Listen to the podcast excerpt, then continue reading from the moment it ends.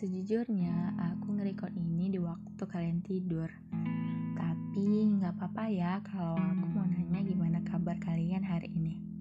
Ya udah, aku tanyain ya. Kalian apa kabar? Hari ini udah masuk 1 April loh. Gak kerasa banget kan ya? Kalian udah ngelakuin apa aja di hari pertama bulan April ini? Udah senyum? Ketawa? Udah bilang makasih ke diri kalian sendiri? Hmm, kalau udah gimana rasanya? Seneng ya? Gimana kalau hari ini kita cerita-cerita dulu? Iya, bersama aku di podcast Ceritain Dulu. Kalian bisa ceritain apa aja yang kalian pengen ceritain.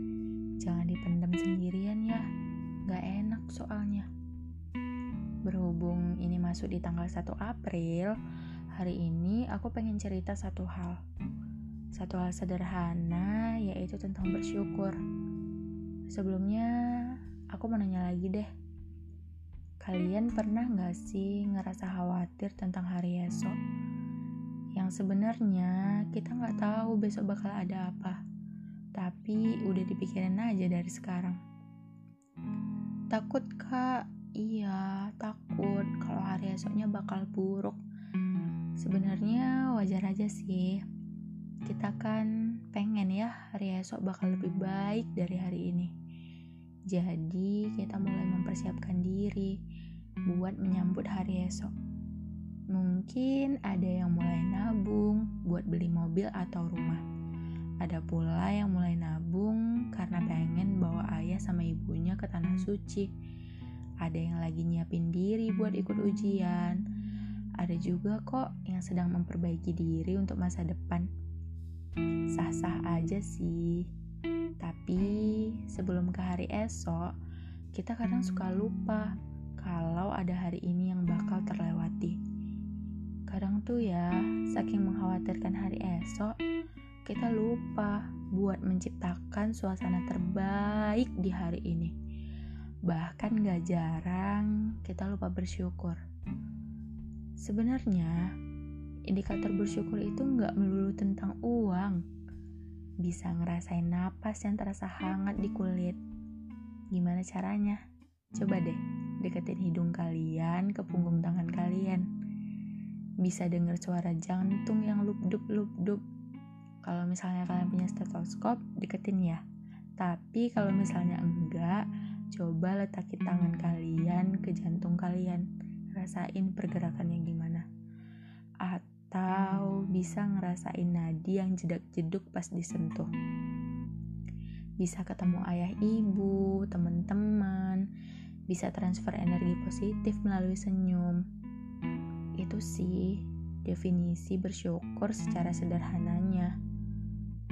Kita emang butuh uang, tapi jangan nunggu beruang dulu buat bersyukur. Dicoba dulu yuk kalau masih bingung nyobanya gimana, sini-sini, aku ajarin. Kalian cuma perlu bilang, terima kasih Tuhan sudah menguatkan aku hari ini. Dan terima kasih juga sudah menghadirkan orang-orang baik di sekitarku. Cobain, cobain ya sekarang. Nanti kasih tahu aku gimana rasanya.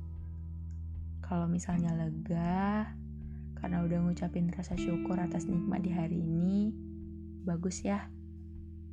Lanjutin. Intinya gimana pun keadaannya tetap bersyukur. Ngeluh. Ngeluh boleh kok asal jangan nyerah. Apalagi sampai menyalahkan diri kalian sendiri. Ingat kalian itu berharga pasti kalian langsung speechless kok aku berharga ya Iya, karena kalian versi terbaik dari jutaan sel.